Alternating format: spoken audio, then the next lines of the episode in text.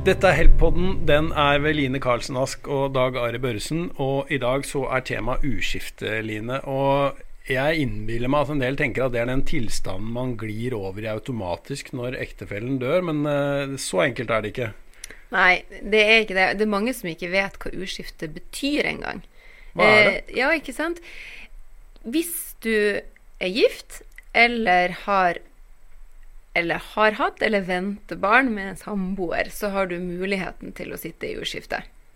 Eh, sånn at samboere uten barn kan ikke sitte i jordskifte. Og det er jo litt greit å, å, ha først hvem kan, og det er ektefelle og samboere med barn, da. Ok. Eh, og du kan kun sitte i jordskifte med felles barn, ikke med særkullsbarn, altså barn med andre enn den eh, som er død. Eh, og så betyr urskifte sånn kort fortalt at du forvalter arven til den som er død, uten å betale ut arv til barna. Sånn at eh, Eller barn eller arvinger generelt. Mm. Det kan jo være andre arvinger enn barn. Um, sånn at det man gjør, er å utsette arvefallet, rett og slett. Sånn at hvis man mister ektefellen sin, så kan man si greit, da sitter jeg og forvalter alt jeg og mannen min eide, og så betaler jeg ut arv når jeg også dør. Sånn at arven bare blir liggende i boet. Her er det mange spørsmål som uh, melder seg. F.eks.: Hvor fritt står jeg da til å gjøre hva jeg vil med den arven jeg forvalter fra den som er borte? Ja. Når du har valgt å overta i urskiftet for det er jo et valg du tar, så kan du leve som eh, før. Du kan selge boligen til markedspris, du kan reise til Syden. Du kan leve akkurat som du har gjort tidligere. Men du kan ikke skusle bort arven unødig, begynne å spille nettpoker eller forfordele noen arvinger. Dvs. Si gi en stor gave til ett barn og ikke til de andre. Eh, og du kan heller ikke eh, gi bort fem millioner til Røde Kors, eh, sånn at uskifteboet reduseres eh, med vilje. Så vanlig forbruk er OK, men ting som du gjør som vil forringe boet, som gjør at boet blir mindre, det er ikke lov en sånn generell regel, jeg kan si. Ja, Men her hører jeg jo at det kan bli en del gnisninger for uh, folks syn på hva som er vanlig forbruk. Det vil jo variere ganske mye, sikkert. Mm. Og det særlig, det vi har mye saker på, er det med gave. Uh, er en konfirmasjonsgave på 20 000 for mye? Er 2000 for mye? Det kommer jo an på boet. Så veiledende så kan vi si at så lenge gaven utgjør mellom 10 og 20% av hele uskifteboets verdi, så er du i grenselønn for hva du har lov til. Mm. Og det er jo der de fleste konfliktene kommer. Mm. Er det under 10 så er du som regel good to go. Eh, og mellom 10 og 15, ja, 10-20, da er det usikkert. Men du sa at uh, det er de felles barna man kan sitte i uskifte med. Så hvis man har både særkullsbarn, altså barn fra før av, og felles barn, så er man nødt til å skifte med særkullsbarna sine, da. Ja, du kan også få et samtykke fra dem. Men det kan de velge. Altså, om særkullsbarn ønsker å samtykke til uskifte, så er det en mulighet de har. Men du har ikke rett til det. Når det gjelder dine egne barn, så kan du si at 'jeg skal sitte i urskifte', og de har ingenting de skulle ha sagt. Mens særkullsbarn må samtykke til det. Mm. Så avdøde sine barn utenfor ekteskapet eller med noen andre enn samboer, de må samtykke. Hva er da vanligst? At man skifter med særkullsbarna og fortsetter å sitte i Eller å velger uskifte med fellesbarna, eller at man foretar hele arveoppgjøret hvis man først må skifte med noen av arvingene? Jeg vet ikke, altså Det jeg kan si sånn generelt som er vanlig, det er at man tenker at urskifte er lettvint. Du fyller ut et skjema, ferdig, fortsetter som før.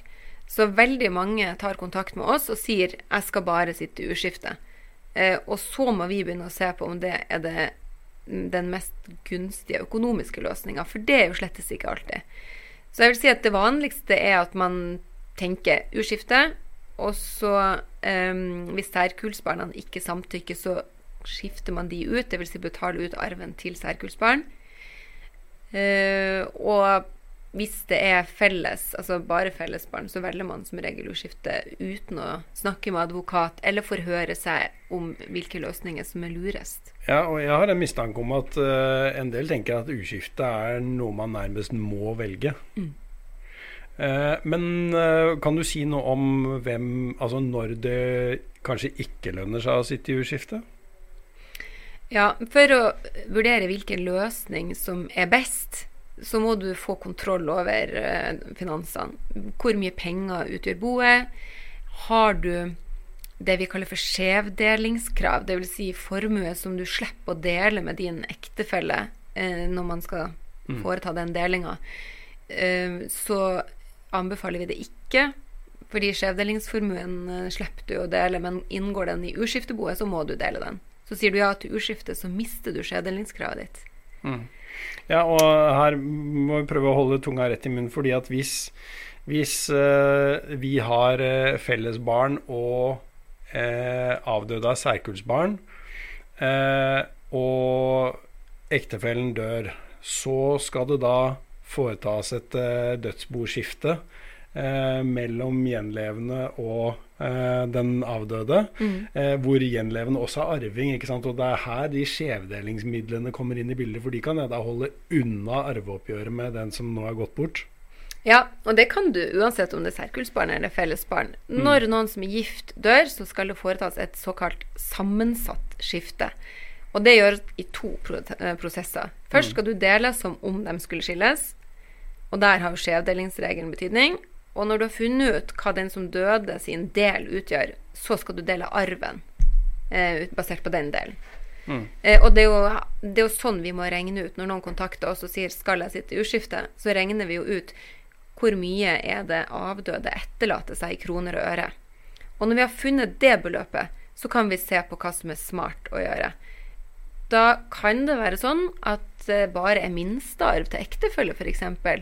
Hvis eh, verdien avdøde etterlater seg utgjør mindre enn 425 000, så er jo ektefellen enearving. Og da er det jo fryktelig dumt å velge å sitte i urskifte mm. når du er enearving og ikke skal betale noe til noen uansett. Ja.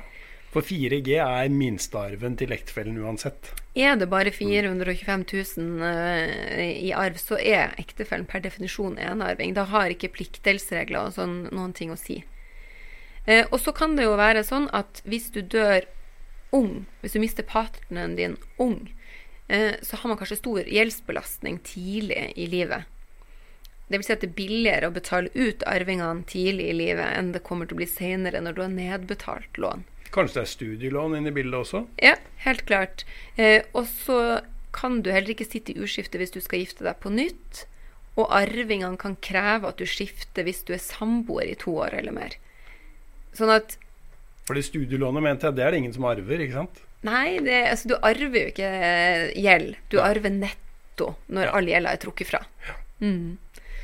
Men studielånet, akkurat studielånet slettes jo når vi dør. Mm. Så det er jo en kjempefordel. Det blir borte uansett ved dødsfall. Det, det, er vel kanskje en av de grunnene som gjør at akkurat studielånet er det minst smarte lånet å betale ned fort. Ja, det har dagens økonomiske råd, ikke betalende studielån. ja, men um, før vi snakker oss helt uh, ut på viddene um, Det er vel uh, For meg så virker det som om det er en del som, uh, som kanskje ikke vet om, om mor eller far gjenlevende sitter i uskift engang. Det er noe som den som sitter igjen aktivt må ta stilling til, er det ikke det? Ja, det er det, og det er veldig mange som ringer oss som ikke vet om foreldrene sitter i uskifte eller ikke. Og da kan man jo enkelt ta en telefon til tingretten og spørre. For det, den informasjonen sitter tingretten på. Mm. Men så sa du at uh, selv om man egentlig plikter å skifte, da, som det heter, uh, ha et arveoppgjør med uh, særkullsbarna, uh, avdødes barn, da, mm.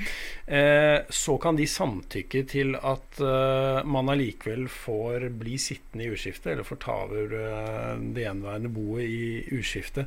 men bør man samtykke til det, egentlig? Ja, der er jo også veldig sånn situasjonsbetinga vi lager jo en del sånne samtykke til uskifteerklæringer, som vi kaller det. Det som jeg vil si er minst konfliktskapende, det er jo hvis det er veldig konkret. Du kan bli boende i huset, du kan sitte i uskifte med huset. Hvis du selger huset, så skal vi ha arven vår. Altså, du isolerer det. Men det kommer kanskje an på den økonomiske situasjonen til arvingene òg. Mange som samtykker, gjør det fordi at lengstlevende skal få bli boende i boligen, og så har de så god økonomi selv at det ikke er så viktig med arven. Mm. Og da er det jo egentlig eh, Hvis det er hus, så kan jo huset stige i verdi, sånn at man nesten ser på det som en investering.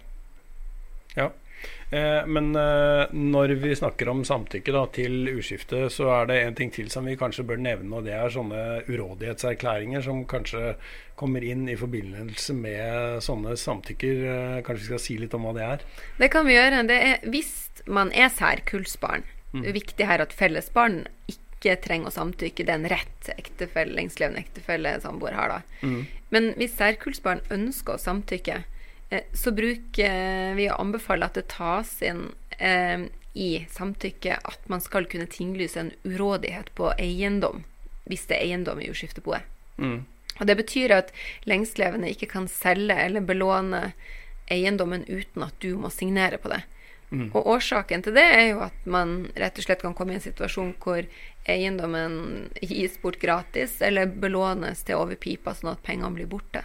Ja, og det kan jo være en ubehagelig overraskelse for en del arvinger den dagen eh, eh, det endelige skifteoppgjøret skal finne sted. Da. Akkurat når det gjelder samtykke til uskifte, så anbefaler jeg sterkt at man områr seg i forhold til jussen, snakker med en advokat eller noen som kan arverett. Det er en del fallgruver, og det er mye unødig konflikt som oppstår knytta til det. Mm. Du, eh, hvis man eh, opplever det da at eh, ektefelle eller samboer eh, går bort, eh, og man vurderer om man skal eh, ta over bo i uskifte eller ikke, er det noen tidsfrister her som man må forholde seg til? Du får jo eh, et brev fra tingretten når noen dør. Så får arvingene et brev hvor det står at du har en 60 dagers tidsfrist til å gi beskjed hva du vil. Eh, den fristen er jo ikke det vi advokater kaller for preklusiv. Dvs. Si at fristen gjør ikke at du mister muligheten til å sitte i jordskifte, men man, det kan være lurt å bestemme seg innen de tre månedene. Ja. Eh, og så er det vel et godt råd, egentlig, istedenfor å overta et eh, bo til, i uskifte sånn i blinde, og rådføre seg med en advokat, rett og slett, for å finne ut om dette er noe som virkelig lønner seg for meg, eh, og kanskje snakke litt med arvingene også om det. Ja, det veldig godt råd. Og så er det jo greit å vite at tingretten har veiledningsplikt, så man kan jo kanskje få rådført seg der. Eh, og det vil uansett ofte lønne seg å tenke seg grundig om å få kontroll over tallene. Hvor mye skulle jeg betalt ut hvis jeg hadde skifta nå, er veldig viktig å gjøre det regnestykket. Mm. Fordi at om du skifter, så kan det gi eh, mye større frihet egentlig enn om du da får bli sittende i uskifte. Ja. Så veiledende vil jeg si er du under 70 år, så må du i hvert fall gjøre den tankeøvelsen. Men det er klart at er du liksom 90 år og mister ektefelle og sitter på sykehjem uansett, så kan det jo være at det er like greit. Ja. Jeg tenker at det var nok ja, om uskifte i denne omgang, eh, Line. Skal vi si det sånn? Da sier vi tusen takk til deg som så eller hørte på Heltpodden.